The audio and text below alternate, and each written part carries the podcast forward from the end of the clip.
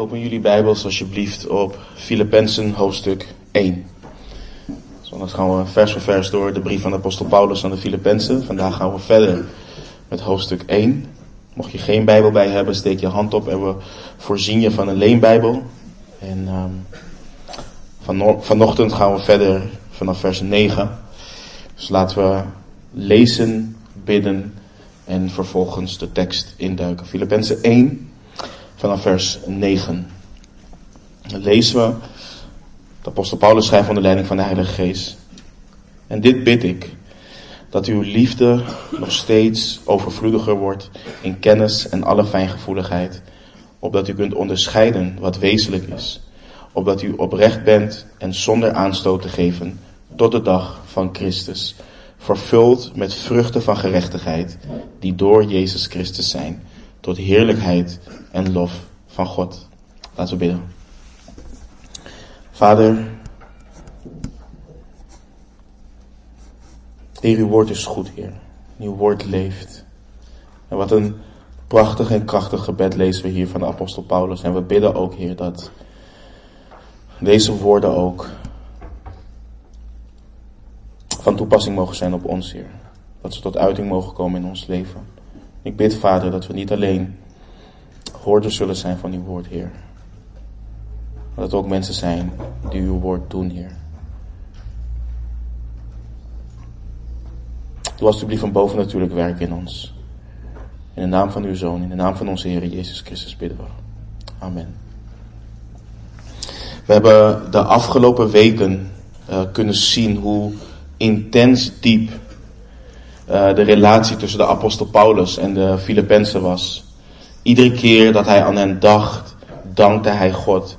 En in zijn gebed voor hun, in zijn gebeden, uh, bad hij altijd met blijdschap. Paulus had de Filippenzen opgeslagen in zijn hart. Hij dacht aan hen met de innige gevoelens uh, van Jezus Christus. Hij hield van hen. Ze waren zijn partners in het evangelie. Ze hadden gemeenschap in het evangelie. En de Filippenzen deelden in dezelfde genade als de apostel Paulus.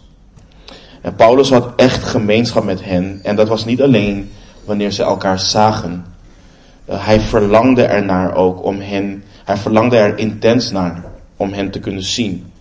Wat een bovennatuurlijk werk van de geest van God in hen was. Je moet je voorstellen en onthouden, Paulus was een Jood. En een groot gedeelte van de Filippenzen waren heidenen. En het kan alleen zo zijn dat de liefde die tussen hen tot uiting kwam, geproduceerd werd door het feit dat ze beide gekocht waren met het bloed van Jezus Christus en nieuw leven in hem hebben gekregen. Dat ze nieuwe scheppingen zijn geworden. Niet meer hetzelfde denken, niet meer hetzelfde spreken en niet meer hetzelfde handelen. Dat ze niet geregeerd werden door het vlees, maar door de geest van God. En vandaag gaan we zien wat het gebed van de apostel Paulus met blijdschap voor de Filippenzen was. Het leert ons zoveel en zoals we vorige week ook heel kort hebben belicht, kan het ook ons gebedsleven, de voorbeden die we voor elkaar doen, vormen en verrijken. Het gebed van de apostel Paulus is rijk aan doctrine. En het doel van zijn gebed is de heerlijkheid en lof van God. En dat is zo mooi. Niet de Filippenzen staan centraal in dit gebed. Hoeveel de, hoeveel de apostel Paulus ook van hen houdt. En we kunnen zien, hij houdt van hen.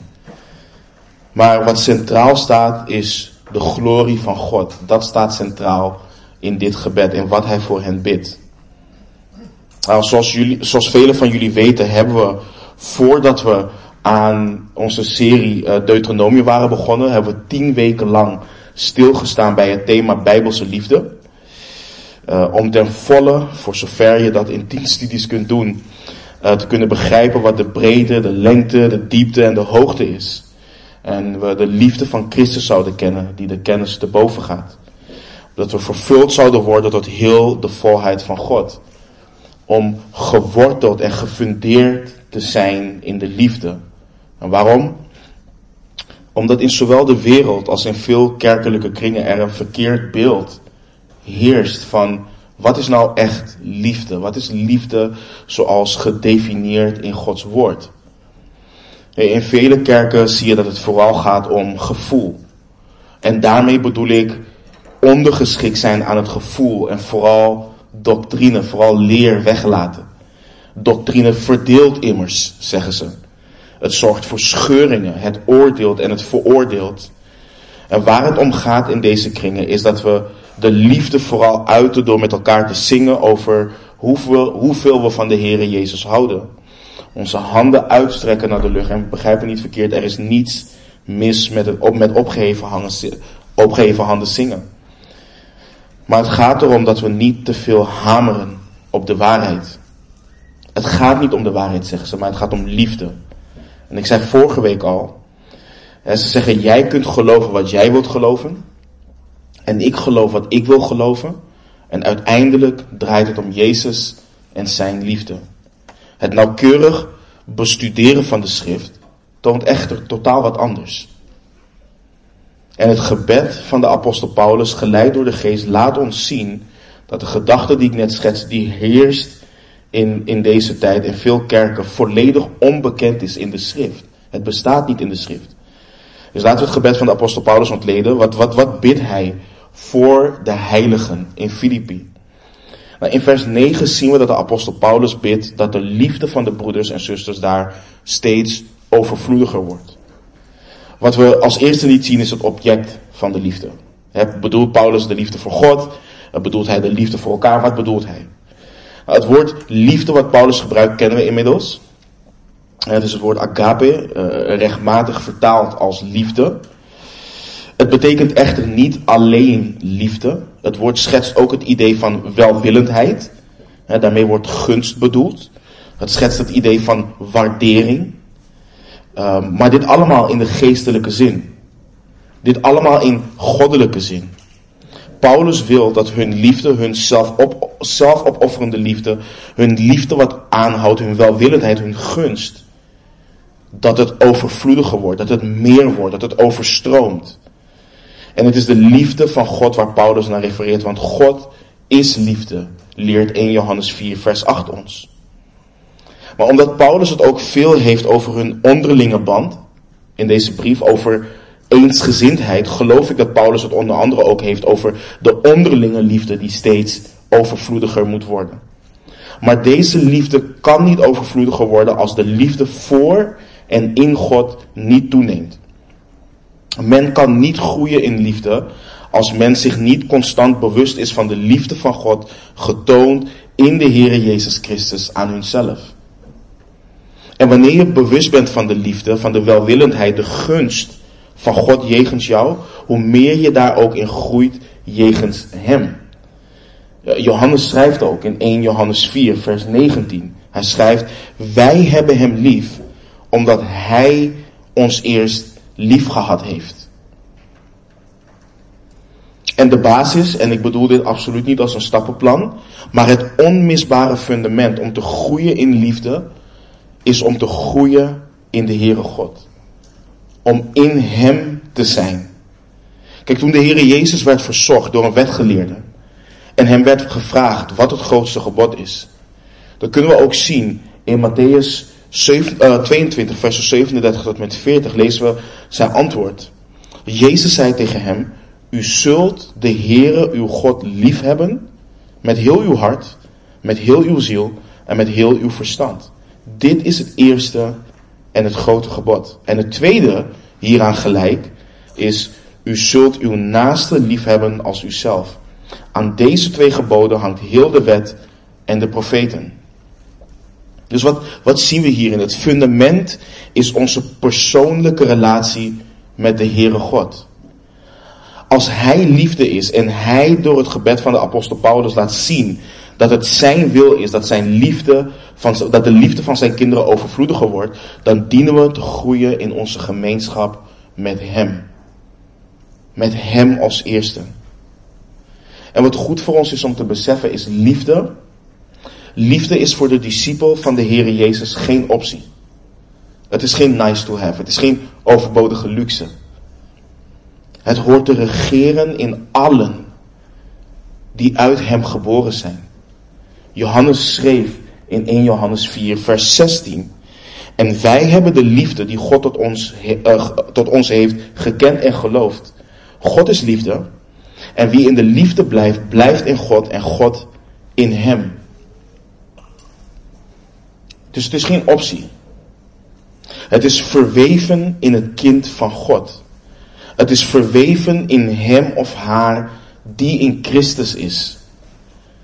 Dus Paulus bidt dat hun liefde steeds overvloediger wordt, meer. En het woord overvloedig is zo prachtig, want het schetst het idee dat iets verder gaat dan de verwachte hoeveelheid. Verder gaat dan de verwachte maatstaf. De verwachte grens.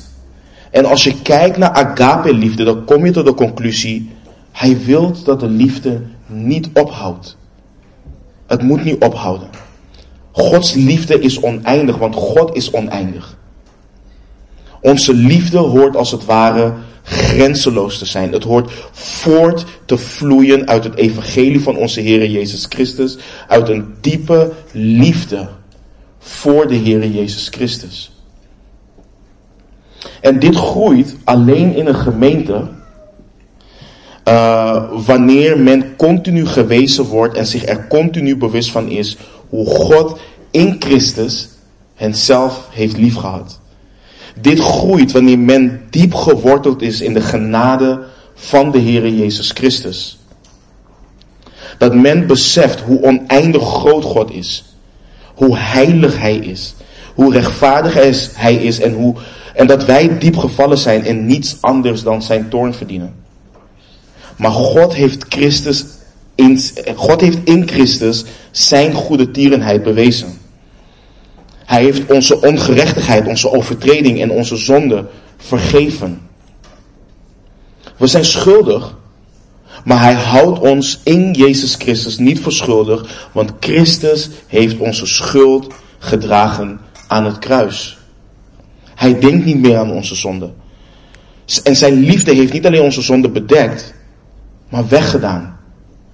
En als dit regeert binnen een gemeente, als dit regeert in de heiligen, dan zal de liefde overvloediger worden.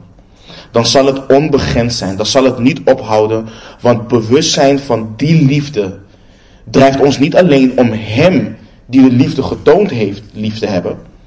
Het drijft ons om ook op zelfopofferende en onophoudelijke wijze hen lief te hebben. Hen die in dezelfde genade staan als wij staan. Je hebt vaak dat mensen allerlei initiatieven ondernemen om ervoor te zorgen dat de liefde gaat toenemen in de gemeente. En dan gaan ze van alles samen ondernemen.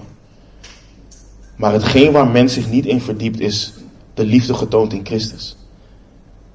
Als we dat begrijpen, voor zover we dat met ons beperkt verstand kunnen begrijpen, als we begrijpen hoe God in Christus ons lief heeft, wij die zondaren zijn, dan gaan we de rest, dan gaan we de mensen om ons heen ook lief hebben.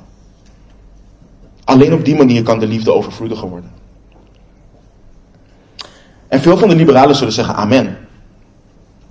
Zij zullen zeggen ja, liefde hoort niet te discrimineren. En ook niet te oordelen. En zij schetsen het idee dat liefde zoals gedefinieerd in Gods woord blind is. En dat is ook hoe ze dit wat ik zojuist heb gezegd zouden interpreteren. Want hé, hey, de Heer Jezus, hij at met zondaars. Hij veroordeelde hen niet. Die de Joodse leiders wel veroordelen, veroordeelden. Maar dat is niet wat goddelijke liefde is. Let op, wat, let op de rest van vers 9. Want wat is het gebed van de apostel Paulus? Wat is onlosmakelijk verbonden aan de liefde die overvloediger moet worden? Kennis en fijngevoeligheid. Het gebed van de apostel Paulus is niet dat ze zullen groeien in blinde liefde. Het is dat hun liefde steeds overvloediger wordt in kennis en alle fijngevoeligheid. Ware liefde is alles behalve blind. Ware bijbelse, goddelijke liefde sluit nooit haar ogen voor de realiteit. Het is geen onderbuikgevoel. Het heeft inhoud. En dit tackelt de gedachte die vandaag de dag heerst. dat liefde en kennis niet samengaan. Dit tackelt de gedachte dat we moeten kiezen tussen of liefde of kennis. En weet je wat zo jammer is? Men citeert graag het gebed van de Heer Jezus in Johannes 17, dat hij heeft gebeden dat we één zullen zijn. Dus laat alles vallen wat voor verdeeldheid zorgt. Nogmaals, laat alle doctrine achterwege, maar men vergeet, of men kiest ervoor om te vergeten dat de Heer Jezus ook bad. Heilig hen door uw waarheid. Uw woord is de waarheid. Liefde en kennis, liefde en waarheid zijn onlosmakelijk aan elkaar verbonden. In 1 Korinthe 13, vers, uh, vers uh, 6, dat leert ons ook over de liefde. Zij verblijdt zich niet over de ongerechtigheid, maar verheugt zich over de waarheid. En het Griekse woord voor verheugd bestaat uit twee Griekse woorden. En het eerste gedeelte van het woord betekent identificeert zich met. Dus schets het idee dat de liefde zich identificeert en blij is met de waarheid.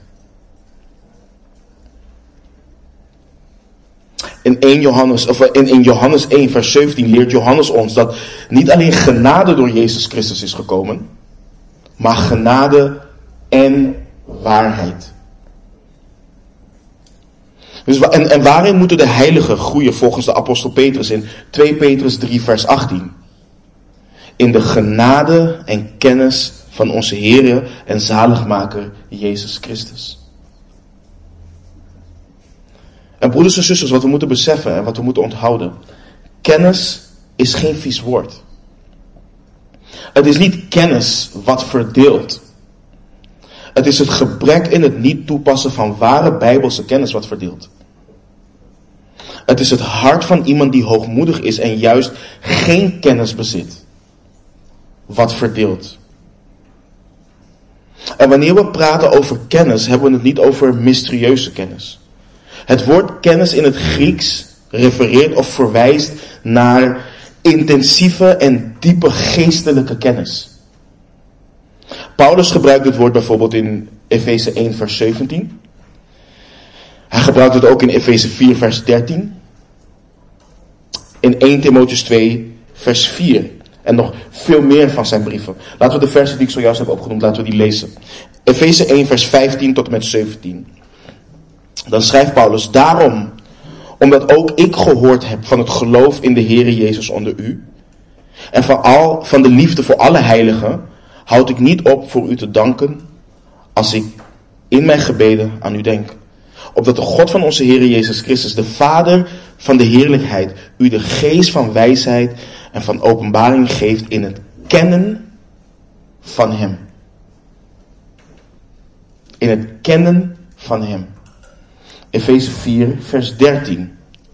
In de versen hiervoor heeft de apostel Paulus het over de verschillende ambten die God heeft gegeven aan de kerk en waarom. En dan lezen we in vers 13, totdat wij allen komen tot de eenheid van het geloof en van de kennis van de Zoon van God tot een volwassen man, tot de maat van de grootte van de volheid van Christus. Dat is waarom ze zijn gegeven. 1 Timotheus 2, vers 4. Maar laten we de eerste drie versen ook voor de context lezen. Hij schrijft aan Timotheus, ik roep er dan voor alles toe op dat smekingen, gebeden, voorbeden en dankzegging, dankzeggingen gedaan worden voor alle mensen, voor koningen en allen die hoog geplaatst zijn. Opdat wij een rustig en stil leven zullen leiden, in alle godsvrucht en waardigheid. Want dat is goed en welgevallig in de ogen van God, onze zaligmaker. En let op, die wil dat alle mensen zalig worden en tot kennis van de waarheid komen. En wat opvalt is dat bijna iedere keer, hier en daar uitzonderingen daar gelaten, gebruikt Paulus dit woord in relatie tot het kennen van God. Tot kennis van de Heer Jezus Christus. Tot kennis van goddelijke, van geestelijke waarheid. En daarom benadrukken we altijd. Liefde, zoals gedefinieerd in de Bijbel, is geen gevoel. Het ontbreekt niet aan gevoel, Maar het wordt niet geleid en geregeerd door ons gevoel. Ware liefde komt voort uit openbaring van de waarheid van en over God. Van en over onze Heer Jezus Christus. En dit brengt implicaties met zich mee. Want als we willen groeien in liefde, als het overvloediger moet worden, dan moeten we groeien in kennis van God. En dat kan alleen door God te leren kennen op de manier waarop Hij zichzelf heeft geopenbaard. En dat is door de Heilige Schrift. Door de Bijbel, wat Gods woord is. En wat we naarstig moeten doen, is zoeken naar Christus in de Schrift. Want de Schrift getuigt van Hem en, en in de Schrift, wat van Hem getuigt, lezen we het volgende in Johannes 1, vers 18. Niemand heeft ooit God gezien. De enige geboren zoon die in de schoot van de Vader is, die heeft Hem ons verklaard. Dus niemand heeft ooit God gezien. De enige geboren zoon die in de schoot van de Vader is, die heeft hem ons verklaard. Of bijvoorbeeld wat we lezen in Hebreeën 1 in de eerste drie versen. Nadat God voorheen vele malen en op vele wijzen tot de vaderen gesproken had door de profeten, heeft hij in deze laatste dagen tot ons gesproken door de Zoon, die hij erfgenaam gemaakt heeft van alles, door wie hij ook de wereld gemaakt heeft. Hij, die de afstraling van Gods heerlijkheid is en de afdruk van zijn zelfstandigheid, die alle dingen draagt door zijn krachtig woord, heeft nadat hij, zijn, nadat hij de reiniging van, zonde, van onze zonde door zichzelf tot stand had gebracht, zich gezet aan de rechterhand van de majesteit in de hoogste hemelen.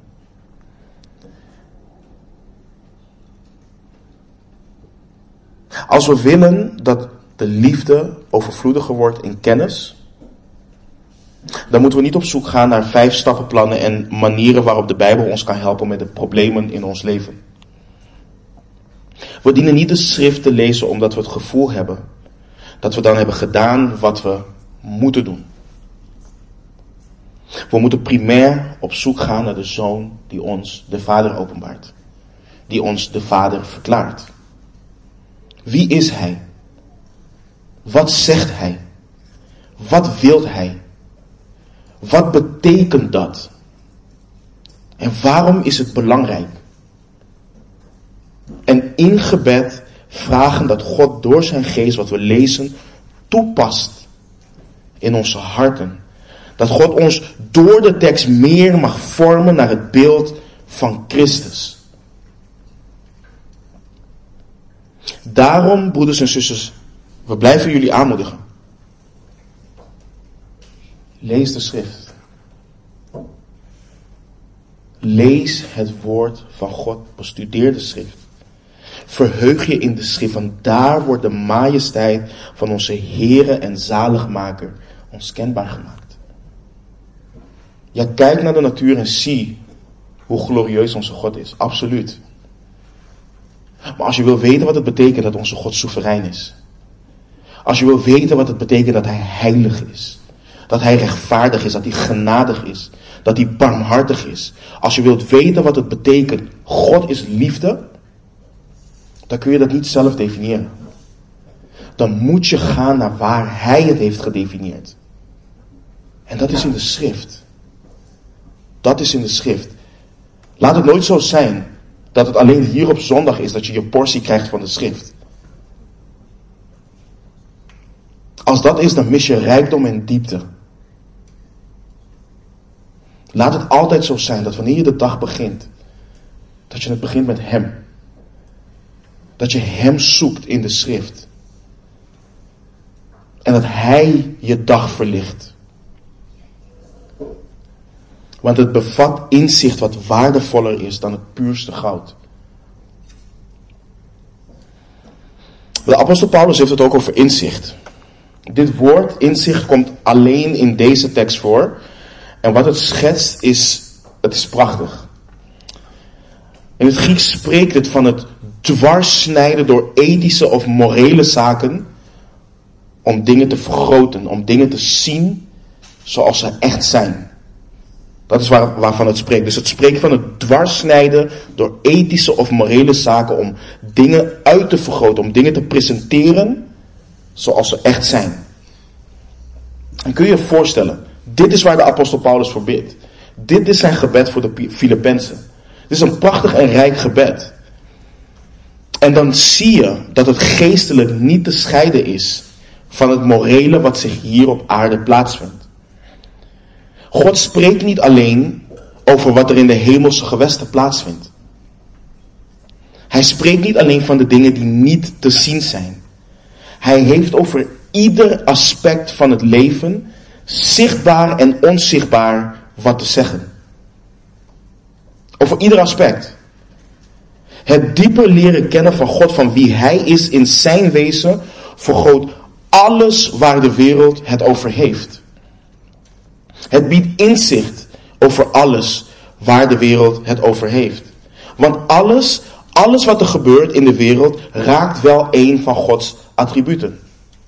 Als we willen praten over rechtvaardigheid als mensen, hebben we inzicht nodig over wat de Bijbel zegt over Gods rechtvaardigheid en wat Hij rechtvaardig vindt. Als we willen praten over liefde, dan hebben we inzicht nodig over wat de schrift zegt over Gods liefde en wat Hij definieert als liefde. Als we willen praten over ouderschap, dan hebben we inzicht nodig over wat de schrift zegt over God als vader en wat Hij zegt over ouderschap. Dan is de vraag, hoe helpt dit gebed? Of hoe helpt dit jouw gebed te vormen voor deze gemeente? Weet je, het is goed om te bidden voor elkaar dat de dingen waarmee we bezig zijn, wat het ook is, ons werk, onze gezondheid, onze verlangens, het is goed om daarvoor te bidden. Zoals ik vorige week ook al zei en zoals we in deze tekst lezen. Dit is het gebed van, van de apostel Paulus voor de Filippenzen. Dit is wat hij onder leiding van de geest acht dat nodig is voor de heiligen in Filippi. Dat als gemeente hun liefde overvloediger wordt in kennis en alle fijngevoeligheid. En broeders en zusters, dit gebed hebben ook wij nodig. Kijk naar de tijd waarin we leven. Kijk hoe wat kwaad is goed wordt genoemd en kijk hoe wat goed is kwaad wordt genoemd. Kijk naar de ideologieën die niet alleen worden gedeeld, maar waarmee wij en onze kinderen worden geïndoctrineerd. Het is niet alleen maar accepteren tegenwoordig. Nee, je moet meedoen. Je moet tegenwoordig meedoen. En kijk hoe velen die zich discipelen en kerken van Christus noemen, een enorm platform hebben, waardoor hun boodschappen, hun boodschap miljoenen mensen bereikt en kerken van binnenuit volledig corrupt en kapot worden gemaakt. En het is belangrijk voor ons, broeders en zusters, dat wij ons hier in gebed tegen bewapenen. Dat we bidden dat deze gemeente, dat in deze gemeente de liefde overvloediger wordt in kennis en alle fijngevoeligheid. Want let op waartoe dat leidt in vers 10. Paulus schrijft, opdat u kunt onderscheiden wat wezenlijk is. Opdat u oprecht bent en zonder aanstoot te geven tot de dag van Christus. Weet je, het is één om kennis te hebben. Het is één om dwars door ethische of morele zaken te snijden en dingen te vergroten en het te zien. Maar het moet leiden tot onderscheidingsvermogen. En niet zomaar onderscheiden.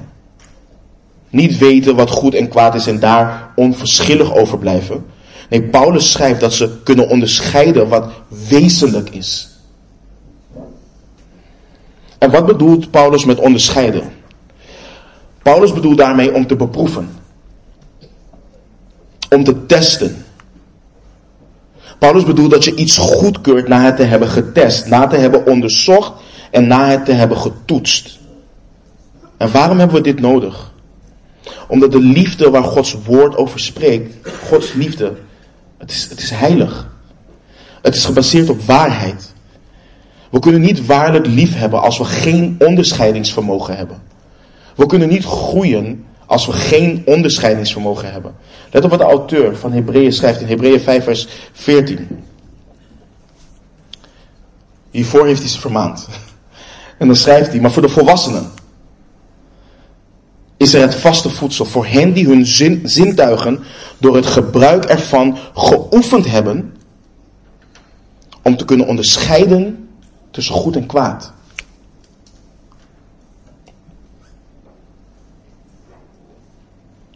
Dit woord en het woord inzicht zijn onlosmakelijk aan elkaar verbonden.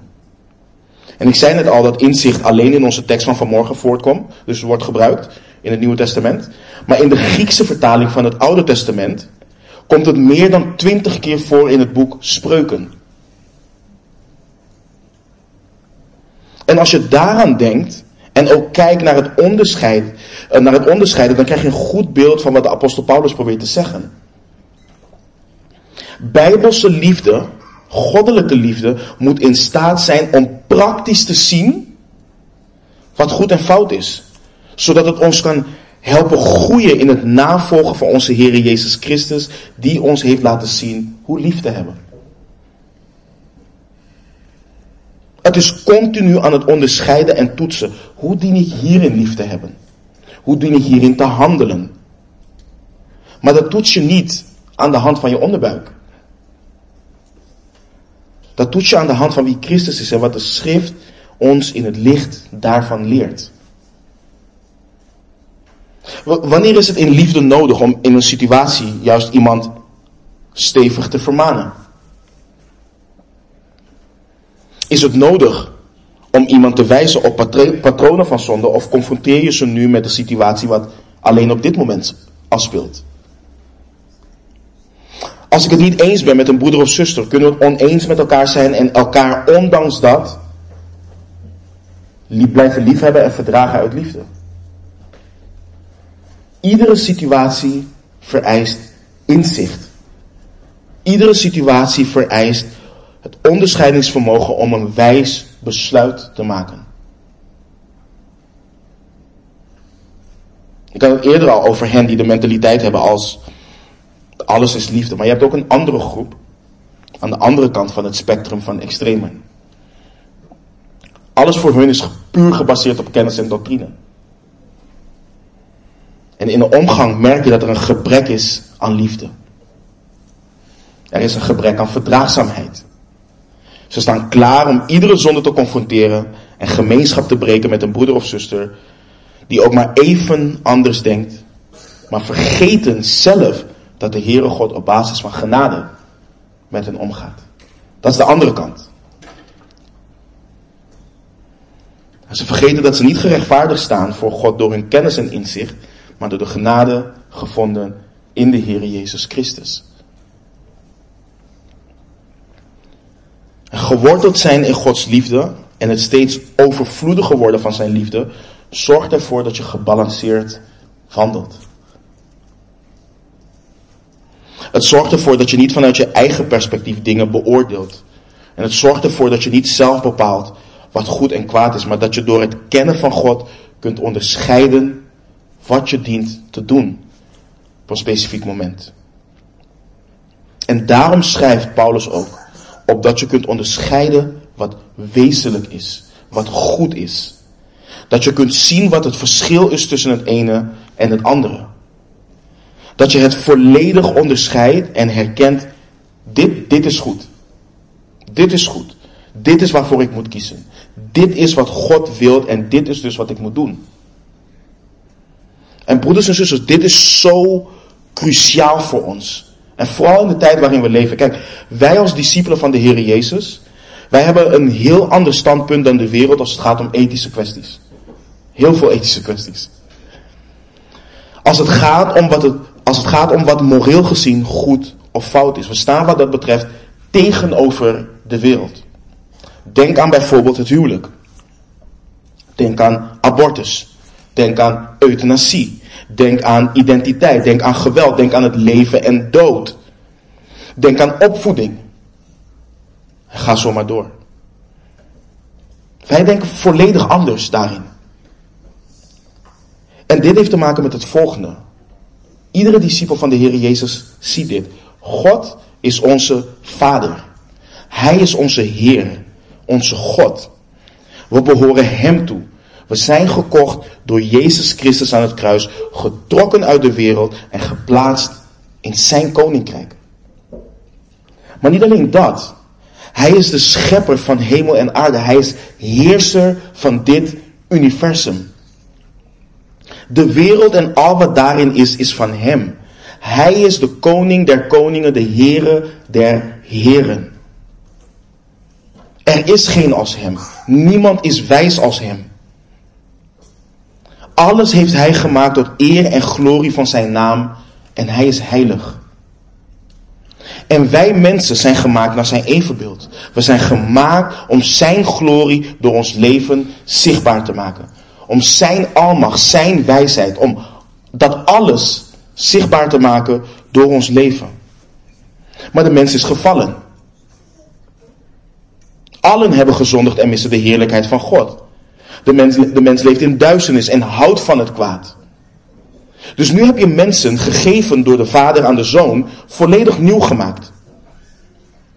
Hun ogen zijn opengegaan. Ze hebben een nieuw hart. Ze hebben het licht lief. Ze hebben de rechtvaardigheid lief. Want hun God, de enige waarachtige God, hij is rechtvaardig. En die God onderwijst de zijnen. En zij groeien in goddelijke liefde en leren onderscheiden. Dit wat God zegt, dit is goed. Dit is wezenlijk. Dit is wat zijn welbehagelijke en volmaakte wil is. En ik onderschik mij daaraan. Het maakt me niet uit hoe ik me voel. Het maakt me niet uit wat ik denk. Het maakt me niet uit wat ik wil. God zegt dit. Hij zegt dit. En daarom zeggen wij dit ook. En het is niet om controversieel te zijn. We doen dit niet om liefdeloos te zijn. We doen dit juist omdat Gods liefde in ons steeds overvloediger wordt. Omdat we steeds meer in Hem leren onderscheiden wat goed is. Wat wezenlijk is. Dus als wij vanuit Gods woord spreken, dit is wat God zegt over het huwelijk. Dan doen we dat niet omdat we dogmatisch willen zijn. En we doen dat omdat onze God dogmatisch is hierover. Het is, niet ons, het is niet ons gevoel. En hetzelfde geldt ook voor abortus en voor alle morele en ethische kwesties. Wat God zegt, dat, dat is waar wij ons aan onderscheiden. Dat is wezenlijk. En dat is waar de apostel Paulus voor bidt. En dit, dit brengt allemaal een hoop teweeg. Een glorieuze hoop. Let op de rest van vers 10. Opdat u oprecht bent en zonder aanstoot te geven tot de dag van Christus. Let op wat hij schrijft, opdat u oprecht bent zonder aanstoot te geven tot de dag van Christus. Dit allemaal is in God, dit is allemaal in Christus. Wat er gebeurt is dat Christus meer en meer gestalte in een discipel krijgt. Dat is waar Paulus voor bidt. Dat ze niet gelijkvormig worden aan de wereld, maar dat ze steeds meer en meer op Christus gaan lijken. En let op het woord oprecht. Het woord oprecht betekent in de oorspronkelijke taal ongemengd of onvermengd. Het betekent puur, onbesmet, onaangetast, zuiver. Het refereert naar iets wat volkomen helder is. Vrij van hypocrisie, van bedrog en slechtheid, dat in het licht, in het volle licht van Gods goedkeuring staat. En weet je wat dit zo confronterend maakt? Dit gaat regelrecht naar het hart. Dit heeft niet alleen te maken met het niet meedoen met de wereld. Alhoewel dit essentieel is. De schrift is duidelijk, Romeinen 12, vers 2. Paulus schrijft, en word niet aan deze wereld gelijkvormig, maar word veranderd door de vernieuwing van uw gezindheid, van uw denken. Om te kunnen onderscheiden wat de goede, welbehagelijke en volmaakte wil van God is. Johannes schrijft ook in het tweede hoofdstuk van zijn eerste brief dat we de wereld niet moeten liefhebben. We dienen te groeien in liefde, opdat we oprecht zijn, opdat het zuurdeeg van de wereld ons niet doorzuurt. Onvermengd. Dus niet een beetje van God en een beetje van de wereld. Niet een beetje van God en een beetje van mezelf. Niet een beetje van Jezus en welke andere religie dan ook. Nee, onvermengd, onbesmet, maar ook dieper dan dat, het hart. Vrij van hypocrisie.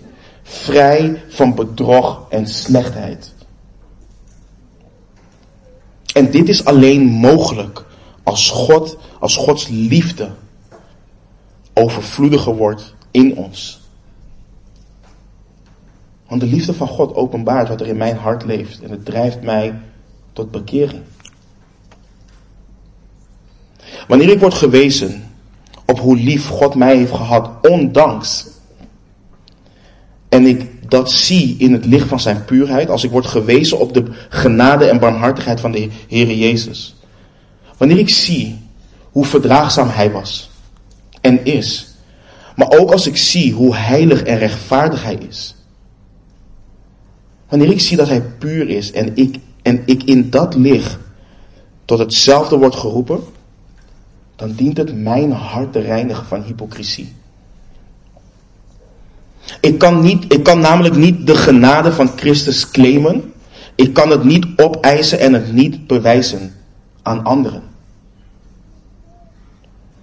Ik kan niet de vergeving opeisen die er in Christus is, daarin staan, maar anderen niet vergeven.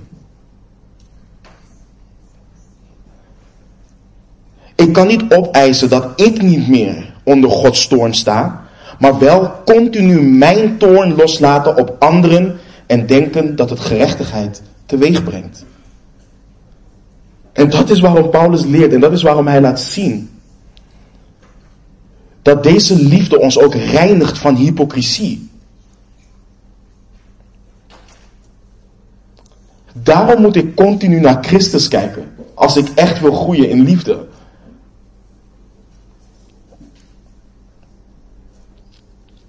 En het gebed van de apostel Paulus is dus dit.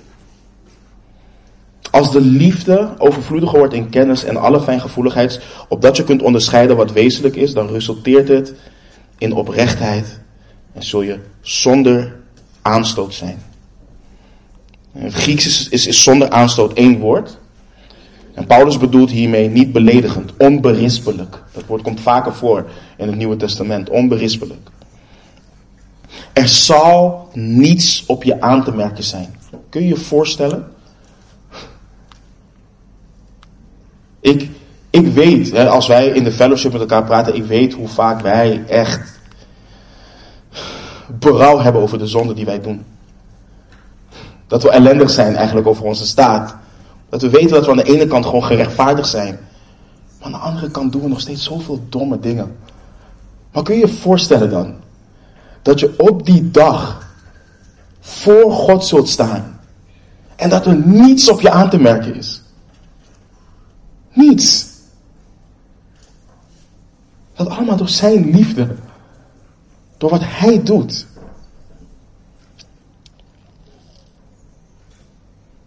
En daarom wil Paulus dat ze standvastig zijn, trouw, vrij in Christus.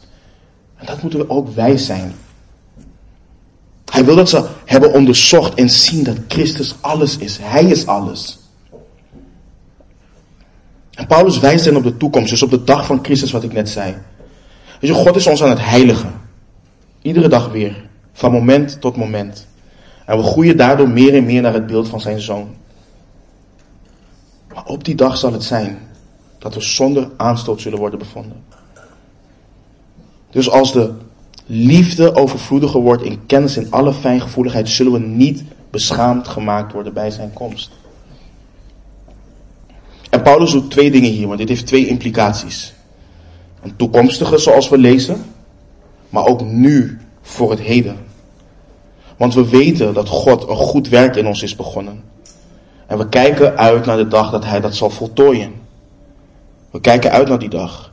Maar omdat hij een goed werk is uh, begonnen in ons, heeft het ook implicaties voor hoe we nu, vandaag, wandelen. Ook al zullen we niet in volmaaktheid nu oprecht zijn, En zijn we nu niet volledig zonder aanstoot? We dienen nu al te leven in het licht van wat hij begonnen is, wat hij aan het doen is en wat hij nog gaat doen. Dat is hoe we horen te leven. De hoop die we hebben, hoort ons te bemoedigen om nu meer te wandelen in het licht. Om vandaag meer te wandelen in het licht. We horen ons nu te beijveren om te groeien in de liefde. En we behoren ons nu te beijveren in, in het onderscheiden wat wezenlijk is. Dat is wat we nu horen te doen. En wat zo mooi is aan dit gebed van Paulus, is dat het de Filippenzen zelf ook hoort te dwingen om dit voor elkaar te bidden. En je moet je voorstellen, deze brief komt aan in Filippi. En moet je voorstellen, kun je je voorstellen wat dit zou moeten hebben gedaan met de twee zusters in hoofdstuk 4 die oneenigheid hebben met elkaar. Dit is zo nederigmakend. Paulus bidt dit voor de hele gemeente. Dit wil hij voor de hele gemeente. En hij laat de hele gemeente weten, ook hen die oneenigheid met elkaar hebben. Dit is jullie hoop, samen. Dit draait niet alleen om jou of om jou alleen. Dit is jullie hoop als gemeente samen. Dit is voor jullie allen weggelegd. Maar leer ook onderscheiden dat die oneenigheid die jullie met elkaar hebben, het is niet goed. Het is niet wezenlijk. Het is niet Gods wil. Verzoen je met elkaar. Mijn vraag is nu, als je, dit, als je hoort dat dit de wil van God is, voor de heilige in Filippi, waarmee confronteert dit gebed jou persoonlijk? Waarin bemoedigt het jou? En waarin of waartoe drijft het jou? Laten we afsluiten met de focus van dit gebed. Met het doel van dit gebed. Vers 11. Vervuld met vruchten van gerechtigheid. Die door Jezus Christus zijn tot heerlijkheid en lof van God. Dit goddelijke leven waartoe Paulus hen roept, waarvoor hij bidt.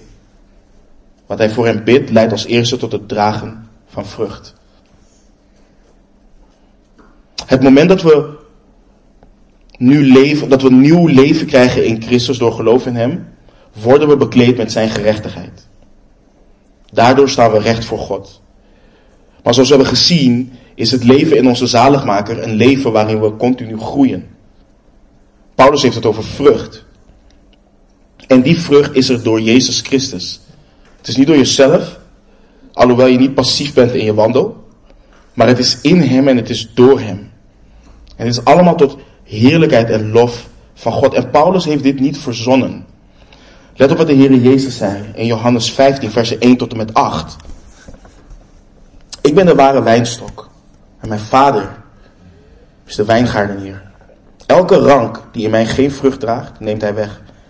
En elke rank die vrucht draagt, reinigt hij, opdat zij meer vrucht draagt. Dus het idee dat we kunnen leven en denken van nee, tot hier is goed, ik ben wel goed in mijn geestelijke wandel. Deze, deze ladder, dat is prima, bestaat niet. Opdat zij meer vrucht draagt. U bent al rein vanwege het woord dat ik tot u gesproken heb. En dan de woorden waar Johannes ook in zijn eigen brief over schrijft. Blijf in mij. En ik in u. Zoals de rank geen vrucht kan dragen uit zichzelf, als zij niet in de wijnstok blijft, zo ook u niet als u niet in mij blijft. Ik ben de wijnstok, u de ranken, wie in mij blijft en ik in hem, die draagt veel vrucht. Want zonder mij kunt u niets doen. Als iemand niet in mij blijft, wordt hij buitengeworpen zoals de rank en verdord. En men verzamelt ze en werpt ze in het vuur en zij worden verbrand. Als u in mij blijft en mijn woorden in u blijven, vraag wat u maar wilt en het zal u ten deel vallen. En let op vers 8. Hierin wordt mijn Vader verheerlijkt, dat u veel vrucht draagt en mijn discipelen bent.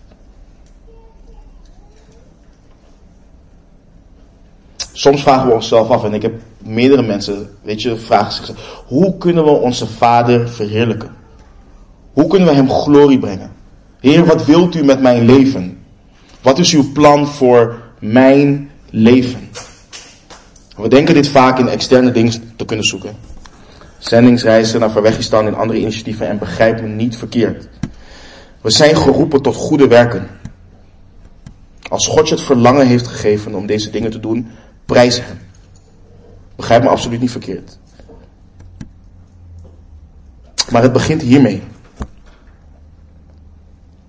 Het begint met in Christus zijn. Dit is het fundament. Als je niet in Hem bent en je naar Verwegistan gaat voor een zendingsreis, je zult verslind worden. Je zult geestelijk helemaal kapot gemaakt worden. Echt. Dit is het fundament. In een diepe persoonlijke relatie met Hem zijn en gevormd worden door die relatie met Hem. Maar ook als gemeente samen in een diepe relatie met Hem zijn.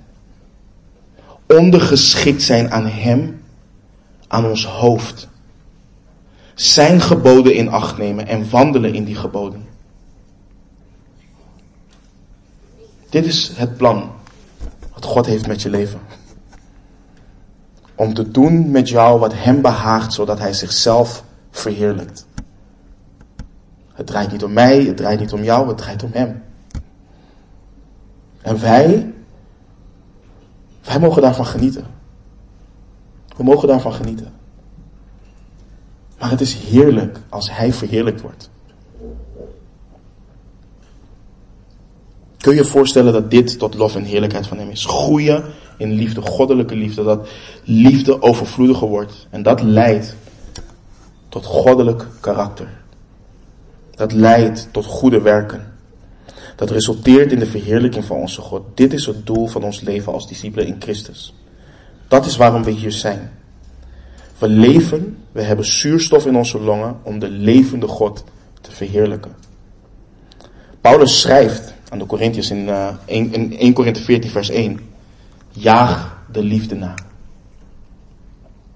Jaag de liefde na. En laat dat zijn uh, Laat laat, laten we dat doen als gemeente. Laten we de liefde najagen. Tot eer en glorie van onze zaligmaker. En laten we het gebed van de apostel Paulus bidden en toepassen in ons eigen leven. En, ons, en ook bidden voor elkaar als broeders en zusters. Dit is een gebed naar de wil van God. En als wij hierin wandelen, zullen zij die ons zien, niets anders kunnen dan onze Vader, die in de hemelen is, verheerlijken. Amen. Laten we bidden. Vader, we danken u, we danken u, Heer, want u bent zo goed, Heer. En Vader, het is mijn gebed, Heer, zoals de apostel Paulus ook schreef wat zijn gebed was voor de heiligen in Filippi. Dat de liefde, Heer, steeds overvloediger mag worden. Hier in de gemeente, als broeders en zusters. Heer, in kennis en in alle fijngevoeligheid, opdat we kunnen onderscheiden wat wezenlijk is. Vader, ik bid dat daardoor vrucht zal toenemen. Ik kijk uit, Vader, wij kijken uit naar de dag, Heer, dat we oprecht en zonder, zonder aanstoot voor U geplaatst worden.